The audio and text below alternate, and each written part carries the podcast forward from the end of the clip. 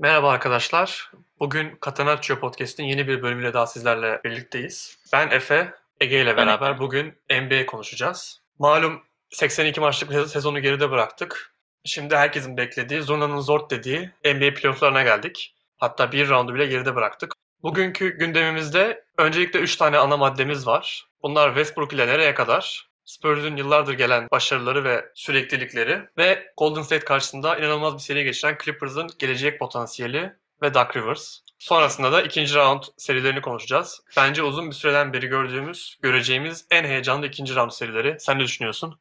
Ee, bence de şimdi uzun süredir genelde tek takımın domine ettiği bir NBA vardı.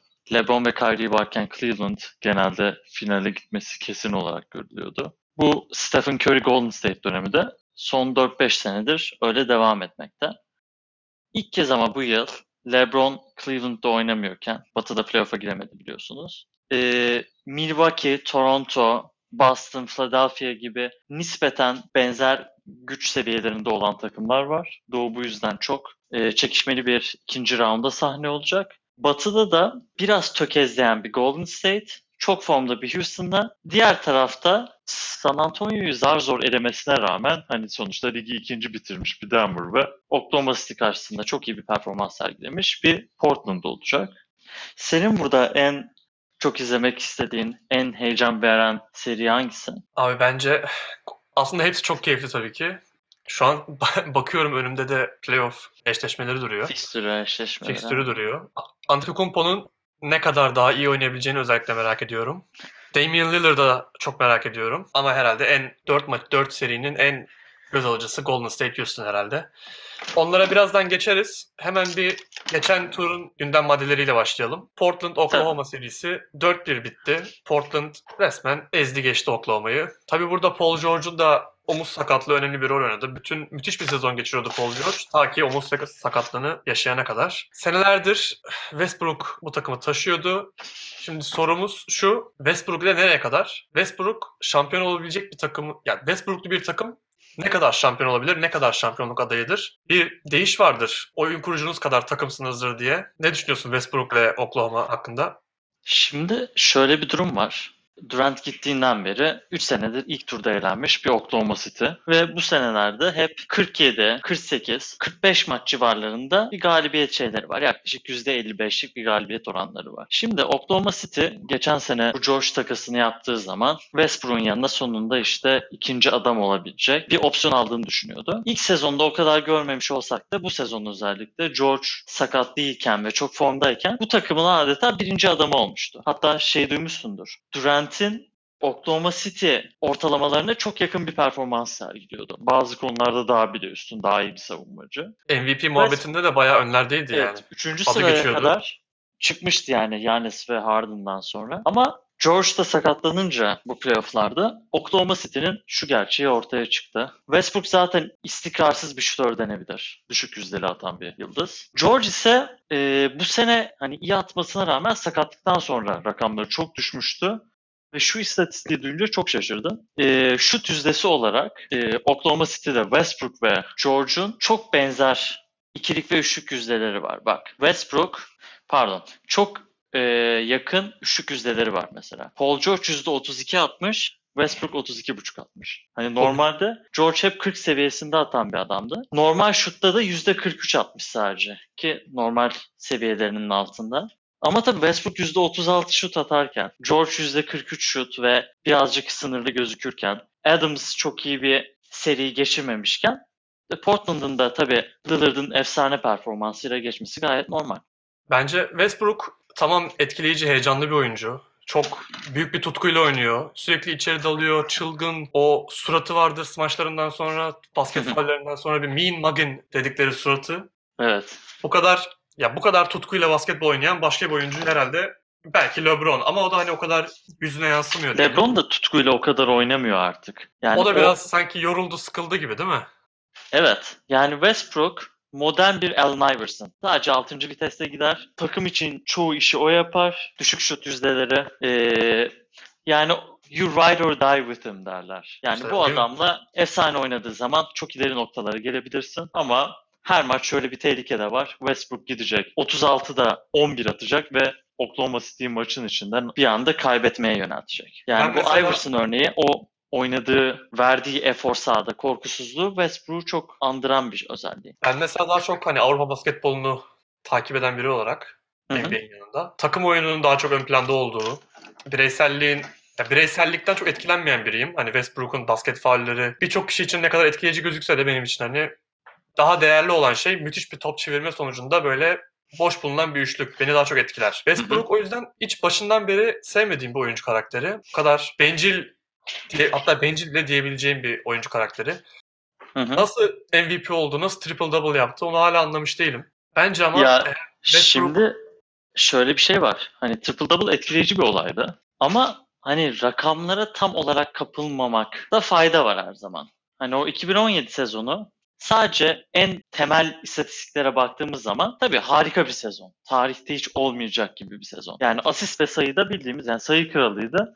Asiste de ilk 2'de 3'teydi. NBA'de en son bu 1970'lerde Nate Archibald tarafından asist ve sayıda aynı anda birinci olan öyle bir takım vardı. İşte orada Nate Archibald hem sayı hem de asist kralıydı. O takımda ama ne kadar ileri gitti playoff'a bile girememişti. Çünkü bir oyuncu bu kadar fazlasını yapıyorsa işi muhtemelen takımın kalanı zayıftır veya oyuncu çok bencil oynuyordur. o zaman buradan tam bir ters örneğimize geçelim. Ters örneğimiz de San Antonio Spurs olacak. Spurs dün gece oynanan maç sonucunda Nuggets'a seriyi 4-3 kaybetti.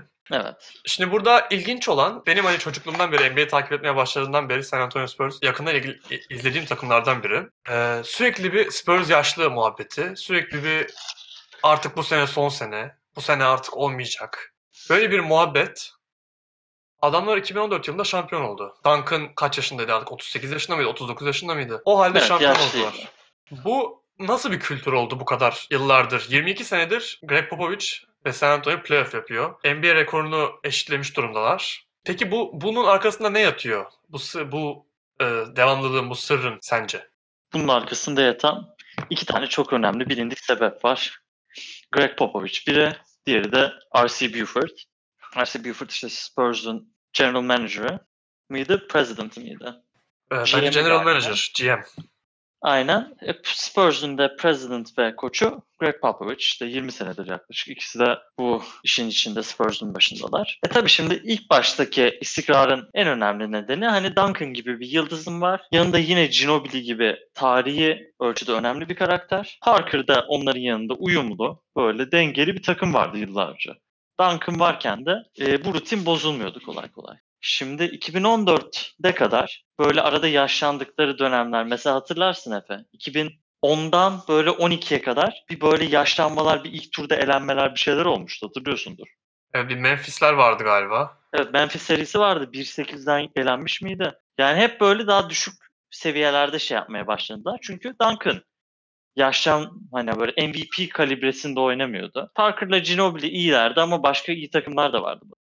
Sonra işte 2013'te ya bu Kawhi Leonard'ın draft edilmesi ve birazcık daha yıldız olması. Yine mesela Boris Diaw gelmişti o dönem. Çok önemli katkı veren. İşte Thiago Splitter'lar e, başka kimler vardı o takımlarda? Böyle E, Belli Danny Green, falan.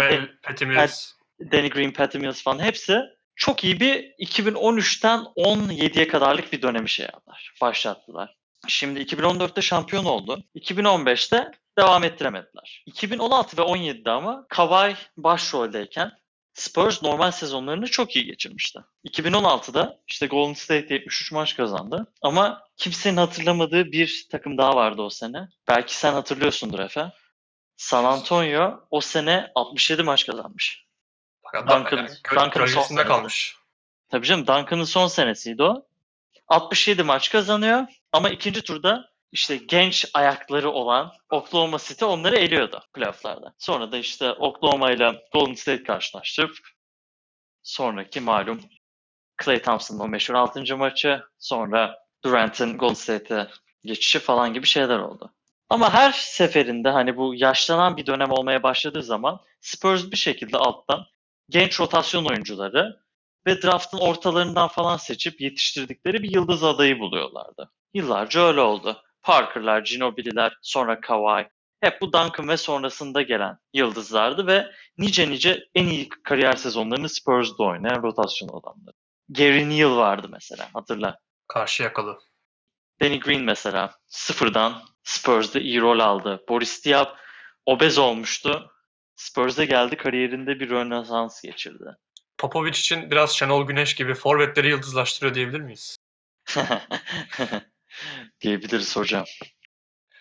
Ama şimdi şeyden Lamarcus Aldridge'in gelişi Spurs tarihinin ilk büyük free agent e, şey olmuştu. Oyuncusu transferi olmuştu. Lamarcus Aldridge'in gelişi hani ilk sezon böyle onu farklı bir rolde oynatmaya çalıştı. Kawhi'yle tam olmamıştı. Ama ikinci sezon özellikle geçen sezonki Kawhi dramasından sonra hani Aldridge'li takım bile bir sürü yan yedek rotasyon oyuncusuyla o normal sezondaki disipliniyle evindeki istikrarla şey yaptılar. E bu sezonda DeRozan geldi. Yeni yıldızlar ortaya çıktı. Mesela Derek White. e, neydi o diğer oyun kurucu oynayan çocuğun adı? Forbes. Ha işte Bryn Forbes'lardan tut. Yine işte Mills gibi tecrübeli adamlar falan. Ama takıma bakınca takımda böyle "Ya bu adam oyuncu dediğin yok yani. Hani mesela şey gibi geliyor bana Spurs bu sene en azından. Ya sanki böyle ligin sonunda olması gereken bir takımmış gibi. Sana da öyle gelmiyor mu? Yani şimdi düşünelim. DeRozan'da Lamarcus Aldridge de geçen sene All-Star'dı. Hani takımında iki hadi yani bir buçuk da hani DeRozan Doğu'da All-Star oldu sonuçta. Bir buçuk iki All-Star'ım var. E, rotasyon oyuncuların da çok aşırı vasat olmadığı sürece bir de iyi bir koçun varsa kazanırsın zaten en az 40 maç. Ama ben de şaşırdım. Ben Spurs'un playoff'a gireceğini beklemiyordum açıkçası. Yani bir Lakers taraftarı olarak çok ümidimiz vardı bu sezondan ama işte her şey istenildiği gibi gitmedi. Bence Nuggets Ama- serisinde biraz da şu oldu mesela. Hani Spurs'un kimse girmesini belki beklemiyordu ama Nuggets biraz da bu Spurs'un ve Greg Popovich'in tecrübesinden korktu gibi oldu gibi geliyor. Hani beklentiler yüksek Nuggets'tan. Spurs'la oynuyorlar. Ha, Spurs bunları eleyebilir. O atmosfer bir yaratıldı. Bence Nuggets'lı oyuncular da bir bundan korktu. Kendilerine güvenlerini kaybettiler. Neredeyse de eliyorlardı zaten. Hı hı. Ee, ya ben de hani katılıyorum şimdi Nuggets'ta neredeyse playoff tecrübesi olan önemli bir oyuncu yok. Paul Millsap harici. Sonuçta en iyi oyuncuları en genç oyuncular işte Murray, Jokic, Gary Harris, işte Monte Morris falan gibi. Şöyle bir yorum yapılıyordu çoğu NBA'yi izleyen, takip eden insan tarafından. E, Denver bu klasik normal sezonu çok iyi geçirip playofflarda normal sezon performansının da altında bir çizgi gösterecek bir takım diye. Yani bunun sebebi de işte playofflarda kanıtlanmamış bir yıldız topluluğu var. Yani kendisinin en iyi oyuncuları Millsap harici hiç playoff tecrübesi olmayan adamlar. İkincisi genelde böyle yok iç tarzı adamlar. Daha uzun playoff serilerinde daha iyi odaklanılıp daha e, efektif şey savunma setleri çiziliyor onlara. Yok işte kendi şutunu yaratma konusunda hani diğer yıldızlara göre birazcık daha zayıf bir konumda. Yani atletik olmaması ve hani bir uzun olmasından dolayı.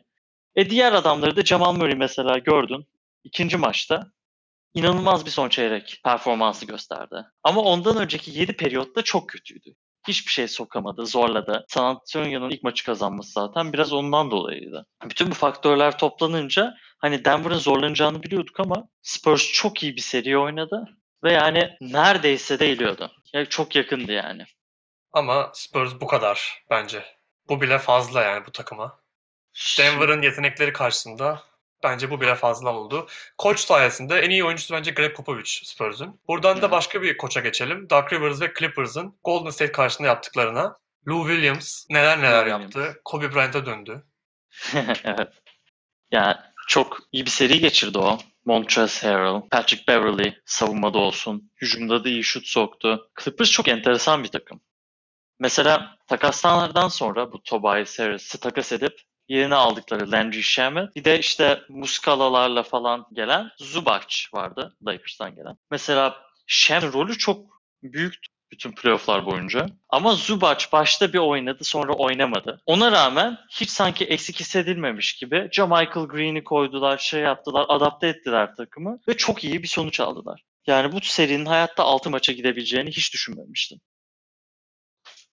Yani Biraz- sen Biraz tabii Golden? State de Golden State de biraz bir zayıflık gösterdi veya bir kırılganlık. Kevin Durant kafayı yemese çıldırmasa bir maç daha belki alırlardı. Böyle 7. maçı bir sürprizli bir yere eğlenecekler demiyorum tabii ama 7. maça böyle bir heyecanlı bir yere gidebilirdi. Hı hı. Ee, Curry ben çok severim Curry'i ama bazen böyle playoff'larda ritmini bulamadığı zaman afallıyor. Çünkü yani şut bazlı bir oyuncu olduğu için bir an şaştığı zaman o şut da girmemeye başladığı zaman kaybediyorsun ritmini. Biraz daha pasif oynuyor bu aralar. Durant'in daha çok ön plana çıkmasını sağlıyor. Bir de hani ne olursa olsun Kevin Durant bütün basketbolda herhangi bir yere herhangi istediği bir zaman gidip istediği şekilde şut bulabilen tek yıldız. Her yerden şutu var. Uzunluk avantajı, atletiklik avantajı. Onu uzunlar da çok zor savunuyor, kısalar da çok zor savunuyor. Durant gibi bir adam varken de hani ilk turda yine de çok zorlanmazsın. Hani İşte Cousins'ın burada- sakatlığı da çok önemli bir faktördü bence. Çünkü ne olursa olsun savunmada şey yapıyorlarsa bile Cousins'ın olması bir tane daha oyun kurabilen, rebound alabilen bir ismi ön plana çıkarırdı. Hani Cousins'ın ölüsü Kevin Looney'den, Zaza, e, Zaza Pachu'da değil, Andrew Bogut'tan falan daha iyidir. E tabii. O zaman buradan da şimdi şeye geçelim hemen. İkinci round serilerine geçelim. Golden State'le başlayalım. Zaten Golden State konusundayız. Hı hı. Golden State-Houston eşleşmesi geçen seneden hatırlayacağımız bir eşleşme. 7. maça gitmişti geçen sene.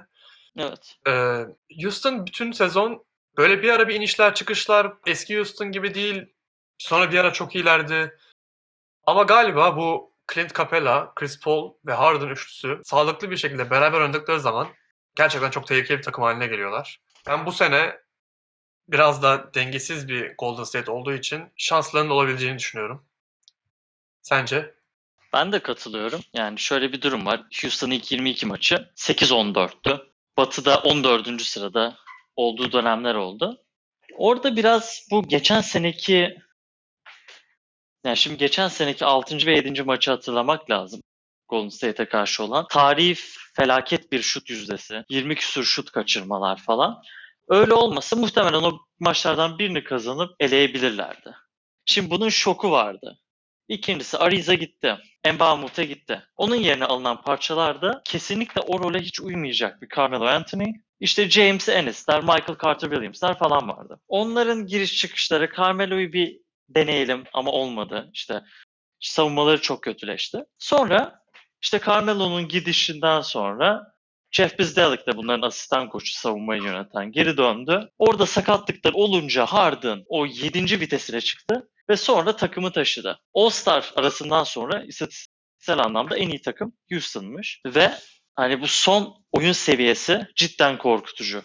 Geçen seneye göre daha bile iyi olabilirler. Ki geçen sene 65 maç kazanmışlardı. O zaman bu seri için iki tane hücum canavarının kavuşması diyebilir miyiz? Yani kim daha iyi şutlar atarsa, kim daha çok üçlük sokarsa diyelim. Ya hem öyle Ee, hem de bu takımlar savunmada da iyilerdi. Yani Golden State'in bu seneye kadar özellikle savunma performansı hep çok üst seviyeydi. Bu sene bir tık daha average'e yaklaştılar. Ama ne olursa olsun e, Golden State'de o büyük dörtlüleri oynayacaktır. Orada bence en önemli nokta bir Klay Thompson şutlarını sokacak mı? Çünkü genelde Clay'in iyi oynadığı maçlar diğerleri de iyi oynuyor. Ama Clay Clay biraz açılı... Evet, yani ekstra açılan- gibi oluyor. zaman evet. O zaman çok fazla yük sadece Durant ve Curry'nin üstünde olur. Bir de Houston'daki rol oyuncularının yan parçalarının da en azından ortalamaları veya ortalamalarının üstünden şut atması şart. Daniel House'lar, işte Austin Rivers'lar. Onların da çok iyi seriler geçirmeleri lazım. Harden zaten iyi oynayacaktır. Chris Paul da forma döndü. Capella'nın şeyi belli. Ama işte o yan parçaların bu sene bu seriyi bitirmemeleri lazım geçen sene gibi. İnşallah ama güzel bir seri olur. Ben de en az 6 maç bekliyorum. Ama Tahmini yani- alayım. Ben 4-3 Houston demek istiyorum. Katılıyorum. Ben Bence- de 4-3 Houston diyorum. Bence son yılların en heyecanlı serilerinden biri olacak. Hemen doğuya atlayalım. Milwaukee Boston 1 ile 4'ün eşleşmesi. Evet. e, Milwaukee Geçen Bucks'ın- sene de playoff'talardı. Evet. O sene bir tekrar rövanşı ama galiba roller bu sefer değişti. Kim Evet. kim un- kim underdog, kim baskın karakter, kim favori? Tam tersine oldu. E, bu sene şöyle yani Celtics'in 57,5 maçtan açıldı. İddia e, kazanma galibiyet alt üst şeye. Bu sadece Golden State'in ardından onları ikinci sıraya koyuyordu NBA'de. Yani en çok maç kazanması beklenen takımlardan biriyken Doğu'da zar zor dördüncü oldular. Geçen sene ikincilerdi yani düşün. Ee, Doğu'da zar zor dördüncü oldular. İşte çok türbülans dolu bir sezon geçirdiler. Hayward tam dönemedi, form tutamadı. Tatum düşüşteydi. Brown'un kötü şut attığı dönemler. Kyrie'nin gerginliği, bir mutsuzluğu. işte genç takım arkadaşlarına söylenmesi. Horford'un sakatlıkları falan filan tam bir ritim tutturamadılar. Bu olaydan sonra işte playoff'lara yakın Marcus Smart sakatlandı. Marcus Smart bu sene iyi şut attı. Celtics'in en önemli oyuncularından biriydi ama şöyle bir artı etkisi oldu onun sakatlığının. Hani bilmiyorum katılacak mısın? Şimdi Celtics'te sanki çok fazla iyi oyuncu var. Çok fazla kısa şutör var ve yani 2-3 pozisyon oynayan çok fazla aynı seviyede oyuncu Ha. var. Yani evet hani şey olarak hani iş yapabilecek herhangi bir NBA takımında orta veya ortanın üstünde 9 tane 10 tane oyuncuları var mesela. Burada hakikaten o hiyerarşiyi belirleyebilmek çok kritik oluyor. Ya böyle Clippers gibi hani sıfır süperstarı olan herkesin eşitlikçi bir durumda gücünün tak- takımın gücünün yükselebileceği bir sistem olur. Ya da Celtics'te mesela işte Kyrie Irving gibi bir oyuncu var. Böyle olması çok zor. Onun birinci sıra star olduğu çok belli. Burada Marcus Smart sakatlanıp onun oynadığı işte 25-28 dakika bir anda dağıtılması gerekti onun. Bu da ne demek oldu? İşte Hayward'lar, Tatum'lar, Brown'lar, Rozier falan da hep istedikleri kadar dakika almaya başladılar. Hani nispeten. Yani bu eşitlik olunca da çok çok zayıf bir Pacers takımda geçebildiler rahatça. Sanki kimyaları daha bir oturmuş gibiydi. Playoff başlayınca işler ciddiye binince bir akılları başına gelmiş hani problemlerimizi geriye bırakalım gibi Evet. bir hava var. Milwaukee'de bence Antetokounmpo hani Shaquille O'Neal da diyor. Kendime vari görüyorum diyor. Varisim gibi görüyorum diyor. Bu kadar domine eden biri. Her yerden zıplıyor, her yerden sıçrıyor, uçuyor, kaçıyor. Takımı resmen taşıyor. Ama yan parçalar da o kadar iyi ki hani geçen seneye oranla Brook Lopez olsun, yani Chris Middleton zaten çok iyiydi. Ekstra oynuyor. Bledsoe bu sene iyi Bledsoe oynuyor.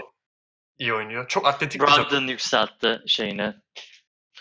Ee, çok iyi şut atıp hani savunma da yapar, biraz şut da atar, her şeyi yapar.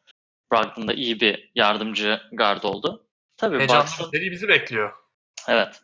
Bu Celtics konusunda hemen şey yapayım. Bu dört maçta Pacers serisinde bak Kyrie maç başına 37 dakika.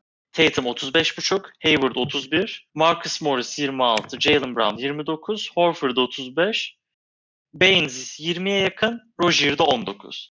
Böyle bir şey dağılımı, dakika dağılımı Celtics için en ideal olan aslında. Hani Smart'ı çıkarttığın zaman 4-5 oyuncu çok daha mutlu olacak. Süreleri 5-6 dakika, 10 dakika arttığı için. Ekstra bir efor sarf edecekler. E tabii çünkü şimdi bazıları bu oyuncuların kontrat senesinde. Ya da kontrat senelerine yakın. Hayward geri dönmek istiyor, kanıtlamak istiyor. Kyrie free agent, Horford free agent olabilir. Jalen Brown'un bir senesi kaldı. Rozier free agent. Herkes tabii daha çok oynayıp kendini göstermek istiyor. Ama hani kendini göstermek için oynadığın zaman da takım için oynamış olmuyorsun. Yani oynayabileceğin kadar en azından. Peki sence bu seride en belirleyici faktör ne olacak iki takım arasında? Birincisi hani Boston Yannis'i nasıl tutabilecek? Hani orada eşleşme olarak Horford'u mu verecekler ona? Belki Tatum, Marcus Morris tarzı daha kısaları mı verecekler? Baines'i bile onunla eşleştirebilirler bazı durumlarda. Şu an düşünüyorum da kimse o adamı tutamayacak. Hani Marcus Smart bir derece belki tutabilirdi. Marcus Smart da bu seride oynamayacak gibi gözüküyor. Evet. Horford eğer birazcık yavaşlatabilirse çok daha yakın bir seri olur. Ama yani Horford yanında- gibi zeki bir savunmacı yapamazsa da başka diğer takımlarda kimse de yapamaz. Hani bir iki oyuncu belki birazcık eşleşebilir Giannis'le. İşte Draymond bir ihtimal. Belki Durant, Kawhi. Onlar şey yapabilir ama işi zor tabii Giannis'i tutmak konusunda. Onun dışında Middleton da iyi bir Boston killer'dır. Geçen sene playofflarda Boston'a karşı çok iyi oynamıştı. Kalanı da işte o yan parçaların ne kadar şey vereceği. Brogdon yokken George Hill'in falan birazcık daha sahneye çıkması lazım. Onun dışında ama Boston için de Hayward'ın performansı bence çok kritik. Çünkü eğer Hayward Utah'taki çizgisine biraz yakın oynarsa o zaman gerçekten o Celtics'in hayal ettiği çok fazla top yönlendirebilen, işte içeriden dışarıdan her yerden oynayabilen çok esnek line-up'larla Milwaukee'ye saldırabilirler.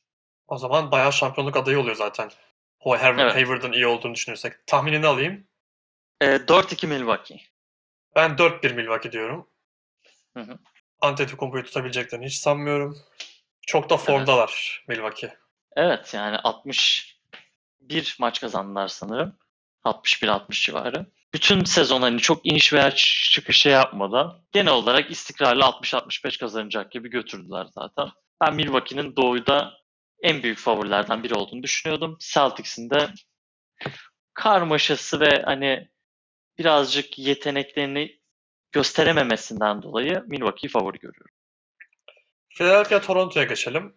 Bir Hı hı. maçını oynadılar zaten. Toronto'daki maçı. Toronto Kawhi Leonard'ın 45 sayı attığı maçla kariyer rekorunu kırdı playoff'ta. Hı hı. Kazandı. Ya bu seriyi konuşur, konuşurken hani bir tane örneğimiz de var önümüzde. Ben bu maçta en çok şunu gördüm ki Philadelphia'nın uzunluğu ve hani atletizmi Toronto'ya çok işlemiyor. Çünkü Toronto'da zaten Kawhi Leonard olsun, Siakam olsun, Marc Gasol olsun. Bununla baş edebilecek belki de ligdeki 2-3 en iyi takımdan biri. Evet katılıyorum. Philadelphia'da ilk beşinin dışında yedeklerden çok etki alamayan bir takım. Ee, Embiid'in ne kadar oynayacağı zaten soru işareti sakat sakatlığı sebebiyle. Yani Embiid'i durdurma potansiyeli ya da az yani yavaşlatma potansiyeli yüksek bir ikili Ibaka ve Gasol. Muhtemelen Gasol daha çok eşleşecektir Embiid'le. Daha kalıplı olduğu için. Ve hani Marc Gasol dediğimiz adamdı. Daha 4-5 sene önce işte Defensive Player of the Year kazanmış. Hani çok hızlı ayakları olmasa da yerinde duran, savunma mekaniklerini bilen bir adam. Embiid'i durdururlarsa nispeten e tabii işleri çok zorlaşacak. Bir de şöyle bir gerçek var. Şimdi Philadelphia'nın ilk beşi bildiğimiz üzere Tobias Butler, Simmons, Embiid ve Redick'ten oluşuyor. Philadelphia'nın yaşayacağı en büyük sorunlardan biri böyle hızlı oyun kurucuları, delici oyun kurucuları natural bir şekilde tutabilecek adamları yok. Baktığımız zaman hani Simmons hız olarak önlerinde durabilir. Ama diyelim işte Simmons onu tutarsa, mesela Kyle Lowry Simmons alırsa, o zaman çok daha uzunlardan biri de Redick'le eşleşmiş olur. Redick de öyle biri eşleşirse de kesin ondan faydalanmaya çalışacaklardır. Ama bu playoff Kyle Lowry'sinden bahsediyoruz. Playoff Kyle Lowry'sinden bahsediyoruz evet ama eee, ne olursa olsun onun bir tehdit olduğu belli. Yani sonuçta bu sene de All-Star oldu. Ne kadar playofflarda bir performans düşüklüğü yaşasa da dönemsel olarak eee, şey yapabiliyor. Hani iyi maç çıkarırsa da iyi maç çıkarır yani. Mesela bugünkü maçta Lowry çok etkili değildi yine. 9 sayı 8 asist. Ama sadece 10 şut, 10 şut denemesi yapmış.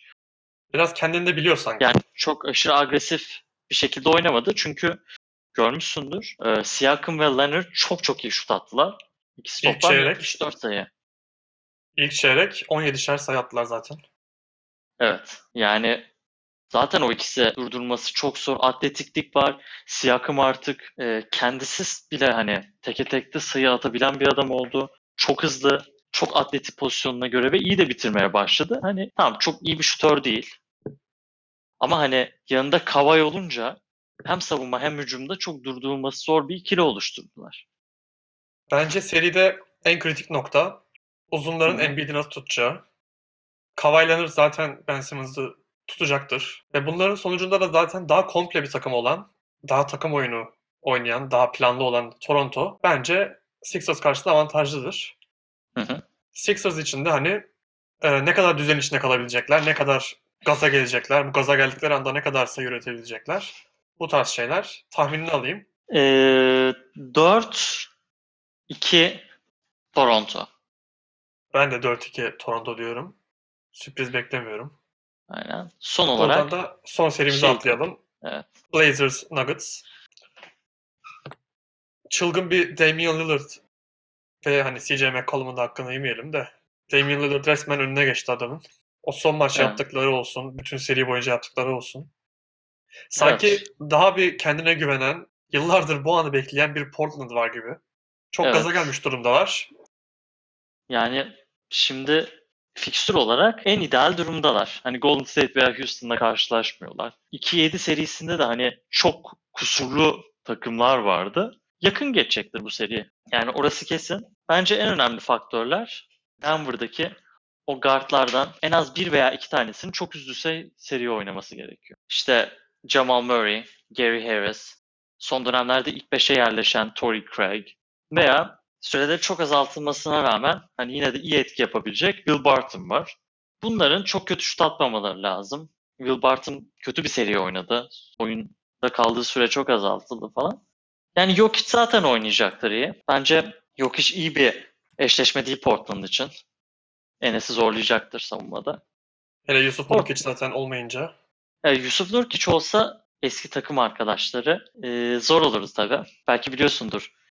Jokic ve Nurkic işte Denver'da yan yana oynarken Jokic yedekte. Ama Jokic'i daha çok sevdikleri için, daha üst düzey oynadığı için Nurkic'e takas ettiler. Jokic'le devam ettiler. Bu da yani iyi bir tercih oldu onlar için ama Nurkic de iyi bir oyuncuya dönüşmüştü. Sakatlanınca Enes gibi bir ekleme yapmış olmaları önceden çok iyi bir sigorta oldu. Ve işte bu seride Lillard ve McCollum'un da tabii toplamda en az 50 sayı atmaları lazım maç başına.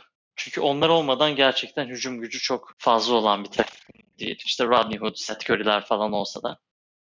Ne Takımın düşünüyorsun? iki tane tekeri Lillard'la CJ McCollum. Evet. Adam akıllı bir uzunları hani olmadan böyle iki tane guard ile bu kadar etkili oynamaları gerçekten etkileyici. Bence kritik nokta Damian Lillard'ı nasıl tutacaklar? Eğer Damian Lillard yani Oklahoma karşısında oynadığı gibi oynamaya devam ederse Hı ki hı. orada rakibi Westbrook'tu. Westbrook da nasıl bir çılgın zaten oldu. Hani ona karşı bile bu kadar etkili oynaması ben sanmıyorum ki Nuggets'ta çok onu tutabilecek bir adam yok. Evet yani belki de Nuggets'ın savunma taktiği hani Lillard'ın nispeten iyi oynamasına izin verip diğer dişlileri durdurmak olabilir. Orada sonuçta işte Enes'i, Alfaro Camino'yu, Mo Harkless'ları, Seth Curry'leri falan tutabilmek de önemli. Belki onlara yönelip işte Lillard'ın o 2006-2007'deki Kobe gibi tek başına kazandırmaya çalışmasını izleyebilirler. McCollum'a da daha fazla yönelip. Lillard bunun üstünden gelebilecek bir adam. Ama ben yine de Denver'ın bu seriyi de 4-3 kazanacağını düşünüyorum. Vay Denver diyorsun. Denver diyorum. Ben 4-2 Portland diyorum. Beni çok Oo. etkiledi Lillard. Evet, Lillard güzel oynadı ama çok daha derin ve komple bir takım var Denver'da. Jokic de Spurs karşısında iyi bir performans sergiledi. Burada da devam edeceğini düşünüyorum. Böylece bu haftaki ikinci bölümü, Catenaccio'nun ikinci bölümünü tamamlamış olduk. Dinlediğiniz için teşekkürler. İlerleyen bölümlerde, ilerleyen günlerde görüşmek üzere. Ben Efe, Koç'la beraber yayını gerçekleştirdik. Hoşçakalın. Hoşçakalın.